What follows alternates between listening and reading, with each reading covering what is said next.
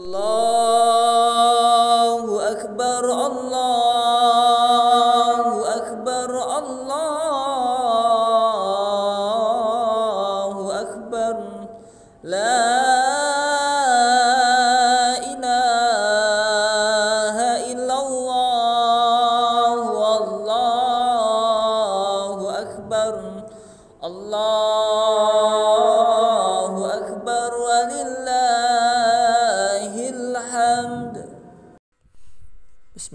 Bismillahirrahmanirrahim. Assalamualaikum warahmatullahi wabarakatuh.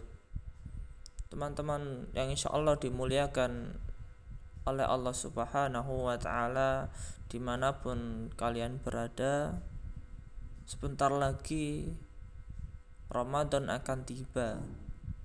Sekitar satu bulan lagi Ramadan akan segera tiba mendatangi kita Pertanyaannya, apakah kita sudah siap untuk menyambut bulan suci Ramadan ini? Apa yang sudah kita persiapkan? Dan tentu bulan Ramadan ini momentum untuk memperbaiki diri kita, momentum untuk melaksanakan amal-amal solih menjadi lebih giat daripada sebelumnya. Maka jadikanlah momentum Ramadan ini sebagai amal, sebagai fastabikul khairat, berlomba-lomba dalam kebaikan.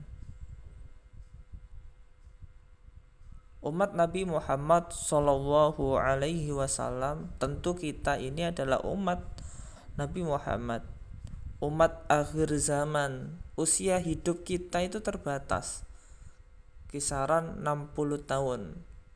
Sedikit sekali orang yang umurnya lebih dari 70 tahun. Dalam hadis A'maru ummati ma bainas sittina ila sab'in wa aqalluhum man yajuzu dzalik. Usia umatku antara 60 hingga 70 tahun dan yang sangat jarang sekali dari mereka yang usianya lebih dari itu. Hadis yang diriwayatkan oleh Imam Tirmidzi dan Ibnu Majah disahihkan oleh Albani. Jadi teman-teman sekalian, umur kita hanyalah sedikit. 60, 70 dan umur-umur yang paling produktif adalah umur-umur remaja. Umur-umur yang masih muda maka manfaatkan umur yang masih tersisa yang diberikan oleh Allah Subhanahu wa taala untuk ketaatan, untuk kebaikan. Tentu nanti ketika di bulan suci Ramadan harus ditingkatkan lagi. Kita fokus beribadah, kita fokus beramal solih di bulan Ramadan. Untuk apa? Sebagai bekal kita menghadap Allah Subhanahu wa taala dengan membaca Al-Quran, dengan iktikaf, dengan tadarus, dengan sholat tarawih dan lain sebagainya. Intinya kita menyibukkan diri di bulan suci Ramadan dengan kesibukan beribadah kepada Allah Subhanahu wa taala. Berbeda dengan umat-umat terdahulu, umur mereka bisa mencapai ratusan tahun. Mereka dapat menggunakan usia panjang tersebut untuk beribadah kepada Allah.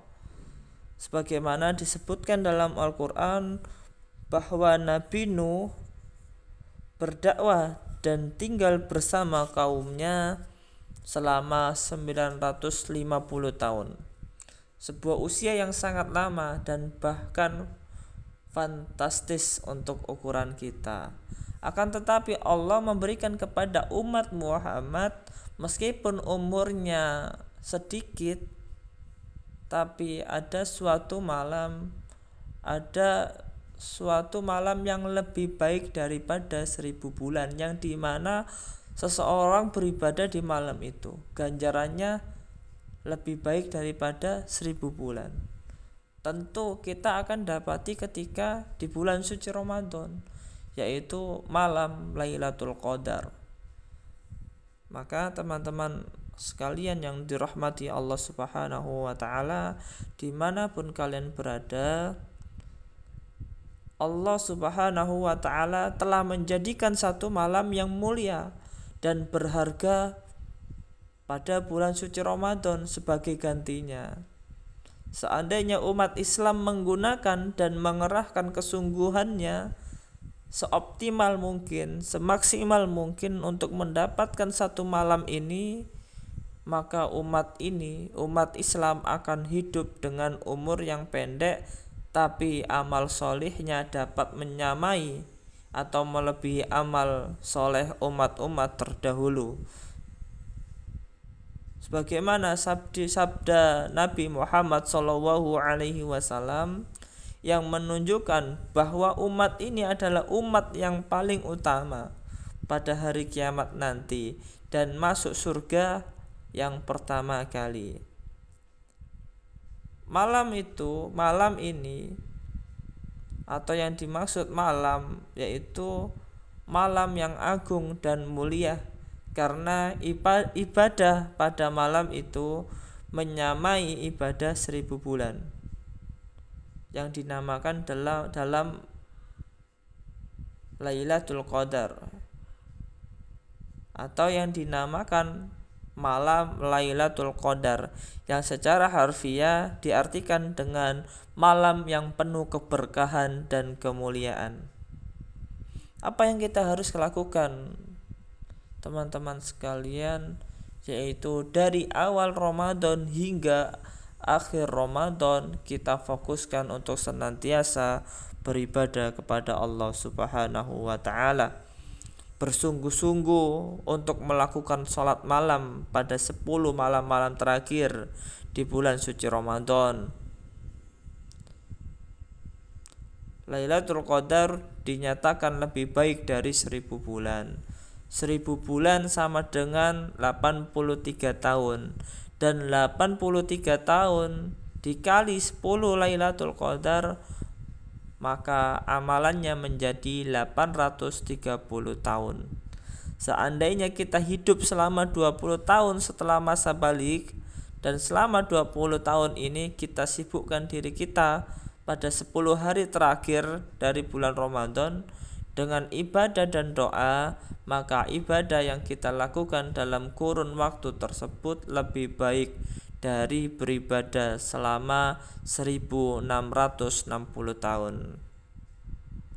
Karena inilah kita dikatakan mampu menyamai atau mendahului umat-umat terdahulu pada hari kiamat dan pertama kali masuk surga yaitu dengan memanfaatkan keberkahan malam Lailatul Qadar. Kesempatan emas ini yang tidak pernah diberikan Allah Subhanahu wa taala kepada umat nabi sebelumnya.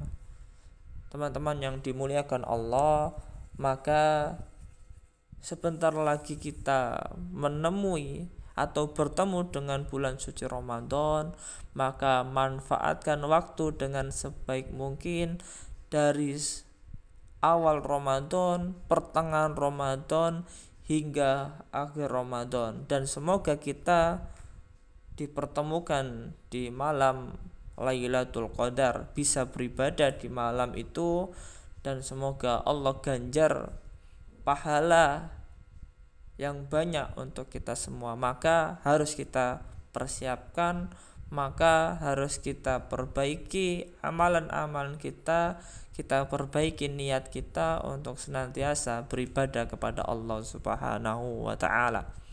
Semoga Allah mudahkan segala urusan kita dan mudahkan kita dalam beramal solih ketika nanti di bulan suci Ramadan dengan memperbanyak amalan-amalan yang telah diperintahkan Allah Subhanahu wa taala. Salah satunya yaitu puasa dan melaksanakan sholat tarawih. Mungkin itu yang bisa kami sampaikan. Kurang lebihnya mohon maaf. Syukron. Wassalamualaikum warahmatullahi wabarakatuh. Assalamualaikum warahmatullahi wabarakatuh. Bismillahirrahmanirrahim. Alhamdulillah, alhamdulillah wassalatu wassalamu ala Rasulillah Sayyidina Muhammad ibni Abdillah. La haula wa la quwata illa billah amma ba'd. Allahumma sholli ala Sayyidina Muhammad wa ala ali Sayyidina Muhammad. Bismillahirrahmanirrahim. Puji syukur atas kehadirat Allah Subhanahu wa taala atas segala rahmatnya, nikmatnya yang diberikan kepada kita semua dalam setiap waktu. Salawat berserta salam tak lupa kita sanjungkan keharibaan Nabi besar kita, Nabi Muhammad Sallallahu Alaihi Wasallam beserta keluarga dan sahabatnya. Hadirin rahimakumullah, Alhamdulillahirrahmanirrahim. Insya Allah pada hari ini kita akan mendengarkan sedikit Ana bagikan ilmu mudah-mudahan bermanfaat untuk kita semua. Pada hari ini saya membawakan tema atau judul Waktu pagi adalah waktu yang berkah. Masya Allah. Udah dari judulnya aja udah ketahuan ya insya Allah membawa keberkahan untuk kita semuanya bagi teman-teman, kakak-kakak semua yang mengamalkan. Nah, waktu pagi adalah waktu yang berkah. Pasti nih kita orang-orang baik laki-laki mau perempuan yang namanya waktu pagi suka ngantuk. Bener nggak tuh? Kadang susah nih, abis subuh berat banget mata ya buat bangun. Tapi teman-teman semuanya, Rasulullah Shallallahu Alaihi Wasallam bersabda, carilah kebutuhan dan rezeki kalian di pagi hari, karena waktu pagi adalah waktu yang berkah dan penuh keberhasilan. Masya Allah. Ini yang ngomong bukan orang lagi, bukan orang lagi maksudnya, bukan orang luar ya, tapi Rasulullah sendiri yang langsung ngomong. Nah, ketika ingin mengirim sebuah pasukan, Rasulullah Shallallahu Alaihi Wasallam selalu mengirimkannya pada awal waktu pagi hari. Dengan demikian memulai sebuah pekerjaan dan mencari kebutuhan dunia di pagi hari merupakan sunnah dan penuh berkah. Rasulullah ini langsung mencontohkan nih, mengirimkan pasukannya pada pagi hari karena merupakan sunnah dan penuh berkah.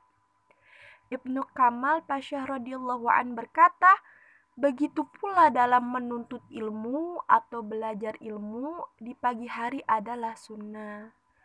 Baik orang tua kita yang sedang bekerja maupun kita sendiri yang sedang menuntut ilmu, maka sunnahnya baiknya berkahnya memulainya pada pagi hari. Pada pagi hari. Waktu pagi adalah waktu yang segar terus penuh kekuatan. Sedangkan nih kalau kita udah sore adalah waktu yang melelahkan dan penuh kelemahan. Benar nggak tuh?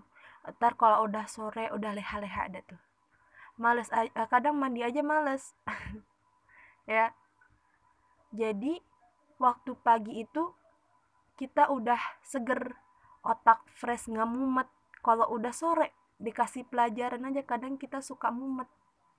Ya maka baiknya adalah pagi hari. Syeda Fatimah radhiyallahu an berkata, di suatu pagi aku merasa mengantuk dan tertidur setelah sholat subuh.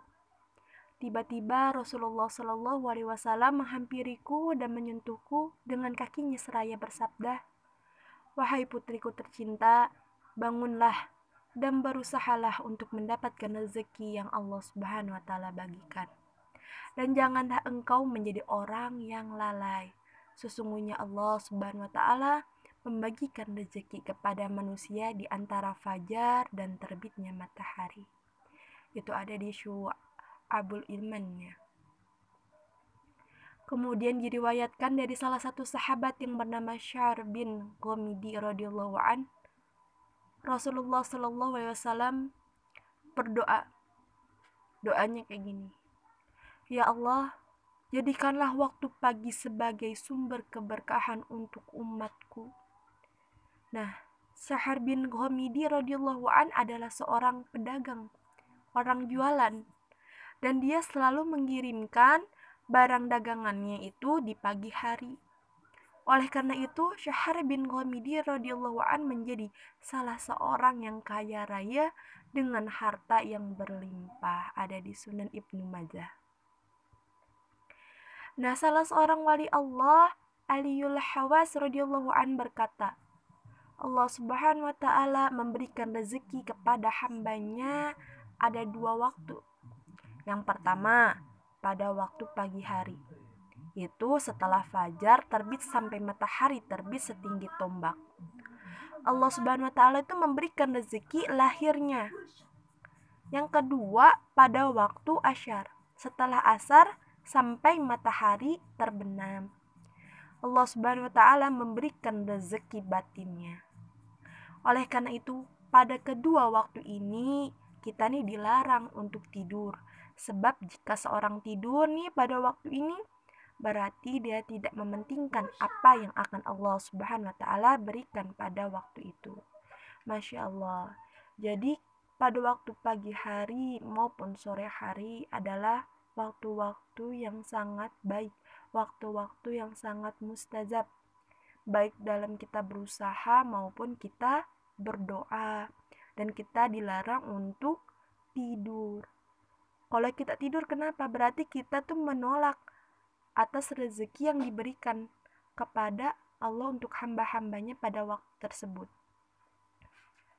Ini ada di Al-Uhudul Kubro ya. Mungkin pada hari ini itu saja yang dapat saya sampaikan. Ini bukanlah nasihat melainkan ilmu untuk saya pribadi dan juga teman-teman semua. Mudah-mudahan setiap pagi kita diberikan kelancaran dalam menuntut ilmu, kemudahan dalam urusan rezeki, dan umur yang berkah. Amin ya rabbal alamin. Allahumma sholli ala sayyidina Muhammad wa ala ali sayyidina Muhammad. Mungkin itu aja yang dapat Anda sampaikan. Kalau ada kekurangan itu datang dari anak sendiri, kalau ada kebaikan itu adanya dari Allah Subhanahu wa taala. Kurang lebihnya mohon maaf. Wassalamualaikum warahmatullahi wabarakatuh. Bismillahirrahmanirrahim. Assalamualaikum warahmatullahi wabarakatuh. Alhamdulillah nahmaduhu wa nasta'inuhu wa nastaghfiruh wa na'udzu billahi ومن سيئات أعمالنا من يهده الله فلا مضل له ومن يضلله فلا هادي له أشهد أن لا إله إلا الله وأشهد أن محمدا عبده ورسوله لا نبي ولا رسول بعده Alhamdulillah segala puji bagi Allah Subhanahu wa taala yang senantiasa memberikan kita banyak kenikmatan Salah satu di antara kenikmatan itu adalah nikmat sehat, nikmat iman, dan nikmat Islam. Dan tentu kenikmatan itu memberikan kita semangat untuk senantiasa beribadah, untuk senantiasa bertakwa dan beriman kepada Allah Subhanahu wa taala. Dan kita masih diberi umur di bulan yang insya Allah dimuliakan ini yaitu bulan suci Ramadan. Dan tak terasa bulan Ramadan akan meninggalkan kita. Tinggal be tinggal beberapa hari lagi atau menghitung hari. Maka teman-teman yang insya Allah dimuliakan oleh Allah Subhanahu wa Ta'ala tak terasa begitu cepat bulan Ramadan berlalu. Dari 30 hari telah kita lakukan telah kita laksanakan dan kita telah berlomba-lomba untuk memberikan yang terbaik di bulan suci Ramadan ini. Maka insya Allah pada kesempatan kali ini kita akan memberikan THR tips-tips hari raya maka dengarkan dan simak agar mendapatkan THR tersebut Kemudian yang kedua salawat salam kita curahkan kepada Nabi Muhammad Sallallahu Alaihi Wasallam. Jika kita ingin menjadi seorang yang terbaik, maka contohlah Rasulullah. Jika kita ingin menjadi seorang guru yang terbaik, maka contohlah Rasulullah dan segala aktivitas kita kita mencontoh Rasulullah sallallahu alaihi wasallam. Ikhwan wal akhwati fillah a'azan ya wa iyyakum. Pada kesempatan kali ini kita akan menjelaskan tips-tips hari raya atau THR. Apa yang harus kita persiapkan Salah satunya, siapkan diri, bersihkan hati, jadilah muslim sejati di bulan suci. Kemarin kita sudah sampaikan awal Ramadan yang harus dipersiapkan di awal Ramadan adalah knowledge, pengetahuan, ilmu kita. Kemudian yang kedua, memperbanyak doa. Yang ketiga, merubah dan muhasabah diri.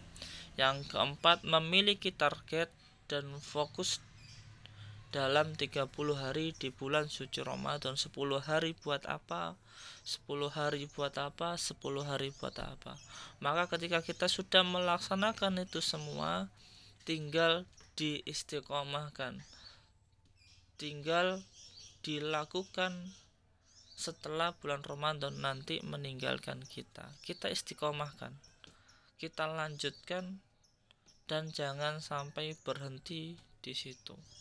Agar kita mendapatkan predikat takwa atau predikat orang-orang yang mutakin Ya ayyuhalladzina amanu kutiba alaikumus syamu kama kutiba alal ladzina min qablikum la'allakum tattaqun. Maka kuncinya apa yang kita sudah lakukan diistiqomahkan.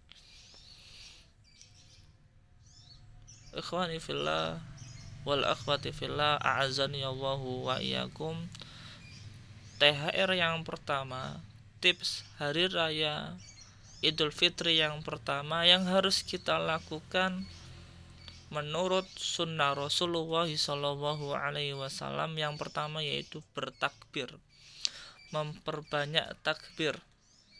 Kenapa?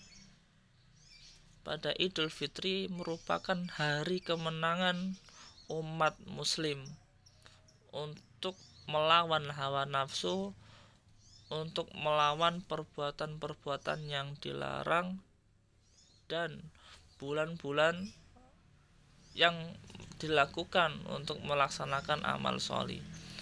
Maka setelah nanti kita harus memperbanyak takbir Kemudian yang kedua, tips yang kedua yaitu membayar zakat dan jangan lupa bayar zakatnya. Kemudian yang ketiga, bersihkan diri menggunakan pakaian yang terbaik. Yang selanjutnya memakai minyak wangi.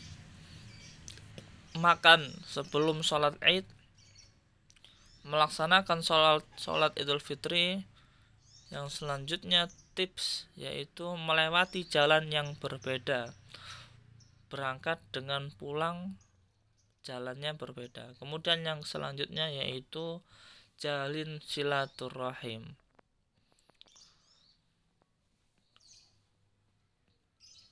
Rasulullah Shallallahu Alaihi Wasallam bersabda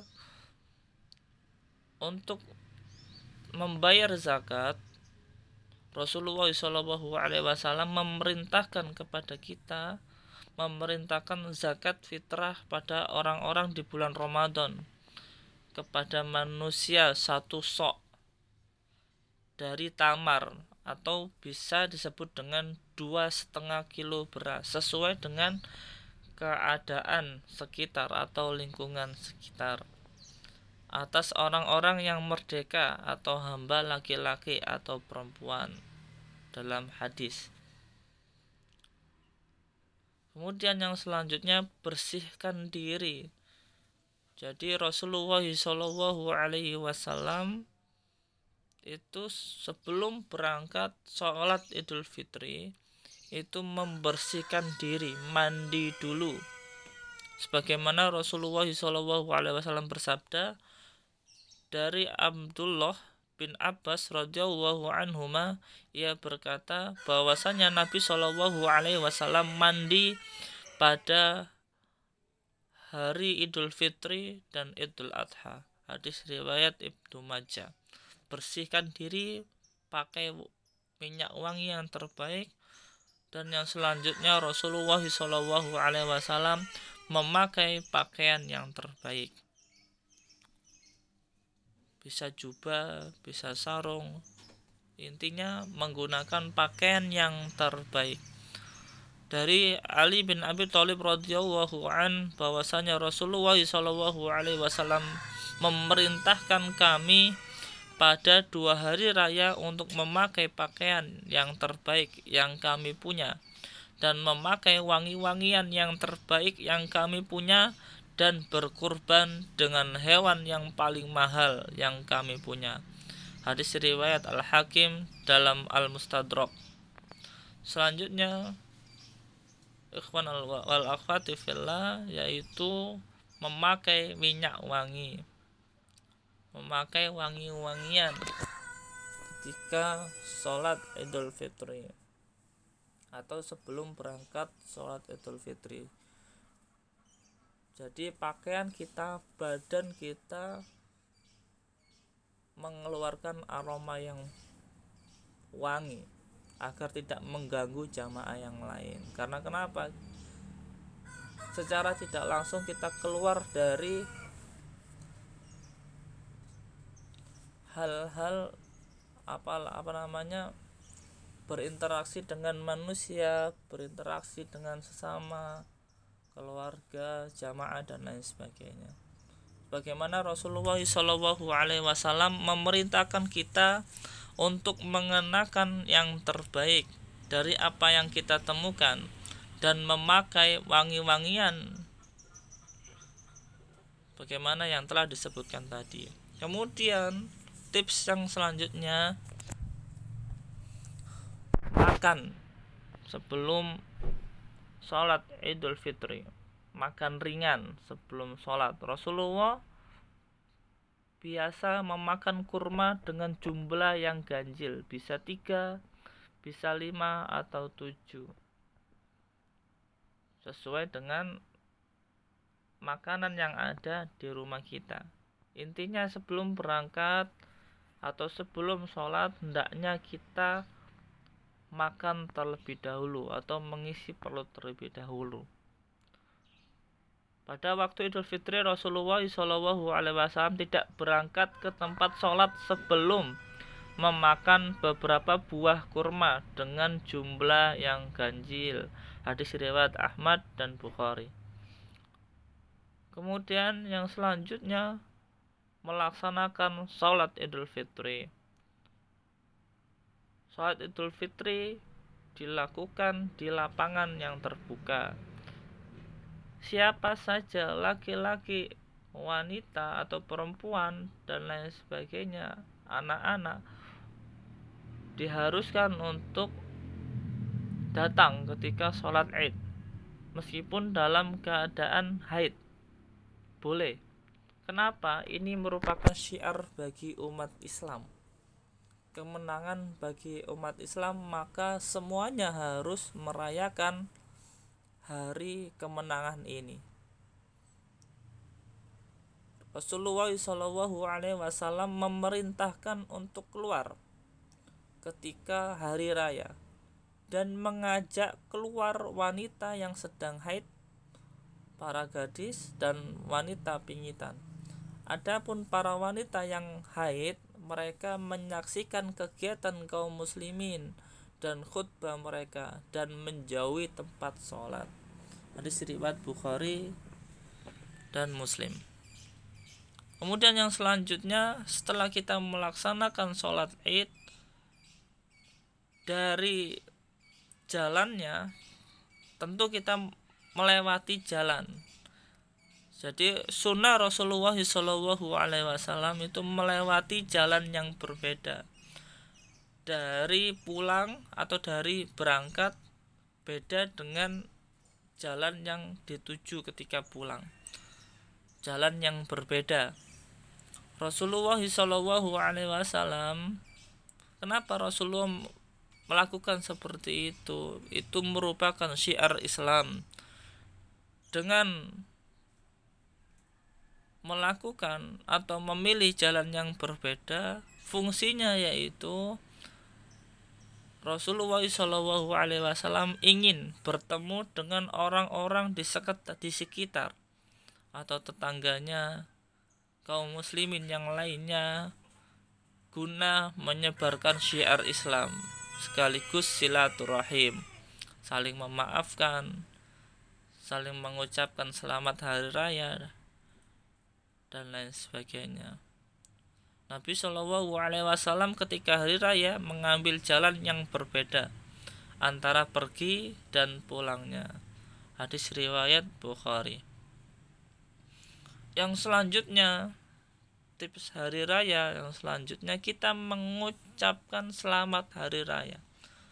Bagaimana mengucapkannya? Taqabbalallahu minna wa minkum taqabbal ya karim minal aidin wal fa'idin. Atau mohon maaf lahir dan batin. Ketika kita selesai melaksanakan sholat id bersilaturahimlah. Salam-salamlah dengan raut muka yang berbahagia.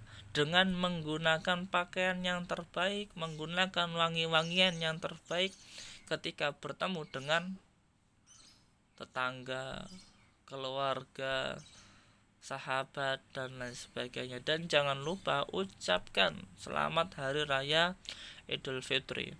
Sebagaimana dari Jubair bin Nufair ia berkata bahwasannya jika para sahabat Rasulullah SAW berjumpa dengan hari raya Id satu sama lain mereka saling mengucapkan taqabbalallahu minna wa minkum taqabbal ya karim. Semoga Allah menerima amalku dan amal kalian. Dalam kitab Fathul Bari. Kemudian setelah melaksanakan sholat Rasulullah Shallallahu Alaihi Wasallam Setelah melaksanakan sholat Rasulullah Shallallahu Alaihi Wasallam mendatangi tempat keramaian dan mengunjungi rumah sahabatnya. Ya, ini merupakan tradisi silaturahmi saling mengunjungi dan ini sudah terjadi di masyarakat kita. Ini merupakan contoh dari Rasulullah Shallallahu Alaihi Wasallam tradisi silaturahmi saling mengunjungi saat hari raya Idul Fitri. Sudah ada sejak zaman Rasulullah Shallallahu Alaihi Wasallam. Saling mengunjungi saling mendoakan dan lain sebagainya. Jadi tips hari raya yang harus kita lakukan di antaranya tadi yang sudah disebutkan bertakbir sebagaimana Quran surat Al-Baqarah ayat 185 kemudian yang kedua membayar zakat jangan lupa dibayar zakatnya. Kemudian yang ketiga bersihkan diri. Mandi terlebih dahulu menggunakan pakaian yang terbaik memakai minyak wangi makan sebelum sholat id melaksanakan sholat id dan yang kelima, melewati jalan yang berbeda antara berangkat dengan pulangnya. Kemudian yang terakhir, saling silaturahmi atau saling mengunjungi, mendoakan. Semoga bisa bermanfaat. Ihdinas siratal mustaqim. Syukran. Assalamualaikum warahmatullahi wabarakatuh. Assalamualaikum warahmatullahi wabarakatuh. A'udzu billahi minasyaitonir rajim. Bismillahirrahmanirrahim. Alhamdulillahirabbil alamin. Wassalatu wassalamu ala asyrafil anbiya'i wal mursalin wa ala alihi wa sahbihi ajma'in. Allahumma salli ala sayyidina Muhammadin al-Fatih lima uliqa wal khatim lima sabaqa nasirul haqqi bil wal hadi ila siratikal mustaqim wa ala alihi haqqa qadrihi wa al-azim amma ba'du uh, Alhamdulillah kita bisa berjumpa kembali di acara daurah memaksimalkan akhir 10 Ramadan. Dengan harapan kita masuk kepada finish Ramadan dengan penuh uh, kebahagiaan. Dengan penuh uh, banyak mendapatkan door prize pahala dan kita bisa menjadi pemenang oleh karena itu, jangan sampai kita itu menjadi orang-orang yang rugi, tidak mendapatkan eh, banyak fadilah eh, bulan suci Ramadan, lebih-lebih tidak mendapatkan malam Lailatul Qadar yang khairum min alfi syahr. Inna anzalnahu fi lailatul qadr wa ma adraka ma lailatul qadr. Lailatul qadri khairum min alfi syahr. Tanazzalul malaikatu warruhu fiha bi rabbihim min kulli amr. Salamun hatta matla'il fajr khairun min alfi syahr. Jadi kalau kita beribadah e, bertepatan dengan malam Lailatul Qadar itu khairun min alfi syahr, lebih baik daripada seribu bulan. Seribu bulan kurang lebih 83 tahun. Nah, oleh karena itu eh, detik-detik akhir Ramadan ini ya ini sekarang apa 26 apa 27 ya. E, ini sudah tinggal tiga hari ya atau empat hari lagi kita akan mencapai finish Ramadan. Maka eh, sebagaimana yang disampaikan oleh Ibnul Jauzi eh, bahwa seekor kuda bisa, bisa semakin mendekati apa? Kayak seekor kuda apabila semakin mendekati garis finish, dia semakin mencurahkan seluruh tenaganya supaya bisa menang. Maka dari itu jangan sampai kuda lebih cerdas daripada engkau. Karena amal itu sangat ditentukan bagaimana akhirnya. Ibnu Al-Jauzi. Uh, para mirsa rahmati Allah Subhanahu wa taala. Dari sini kita oleh Allah Subhanahu wa taala diberikan akal ya. Jangan sampai kuda yang tidak dikasih akal itu uh, dia uh, senantiasa di akhir finish dia mencurahkan segala tenaganya. Sedangkan kita misalkan semakin melemah di 10 terakhir Ramadan ini Jangan sampai kita kemudian eh, malah sibuk di mall gitu ya, sibuk belanja untuk hari raya tapi lupa bahwa ada keutamaan-keutamaan di akhir 10 Ramadan ya. Sebagaimana banyak hadis yang kemudian menjelaskan tentang eh, potensi bulan Ramadan apa potensi Lailatul Qadar itu di akhir 10 Ramadan. Nah, oleh karena itu eh, penting bagi kita untuk senantiasa merenungkan kembali apa yang disampaikan oleh Ibnu Al-Jauzi ini. Para mesan mati Allah Subhanahu wa taala, Lailatul Qadar eh, sebagaimana yang disampaikan oleh Sayyidah Aisyah radhiyallahu anha beliau berkata adalah Rasulullah wasallam bila telah masuk 10 yang akhir dari Ramadan beliau mengencangkan kain sarungnya, ya, menghidupkan malamnya dan membangunkan keluarganya. Ini hadis riwayat yang mutafakun alaih. Ya.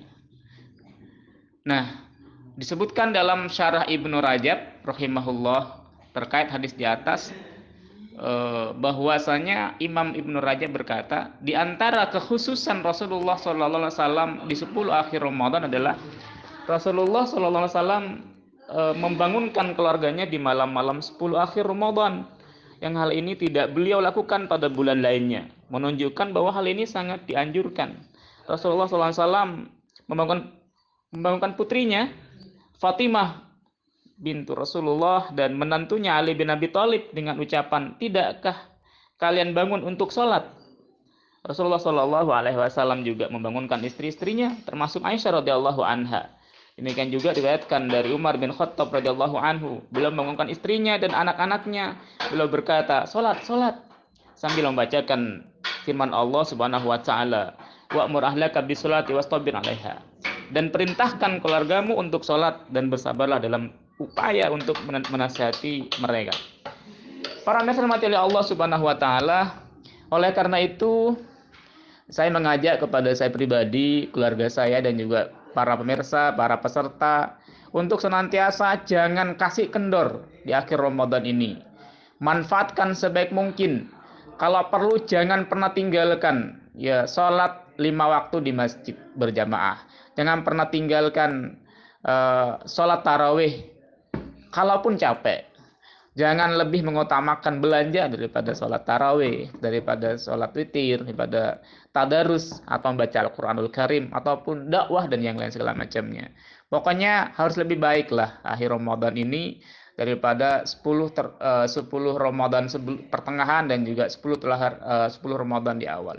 Mudah-mudahan para peserta semuanya senantiasa selalu dalam ridho Allah Subhanahu wa taala dan kita mendapatkan kemenangan dengan mendapatkan ridhonya.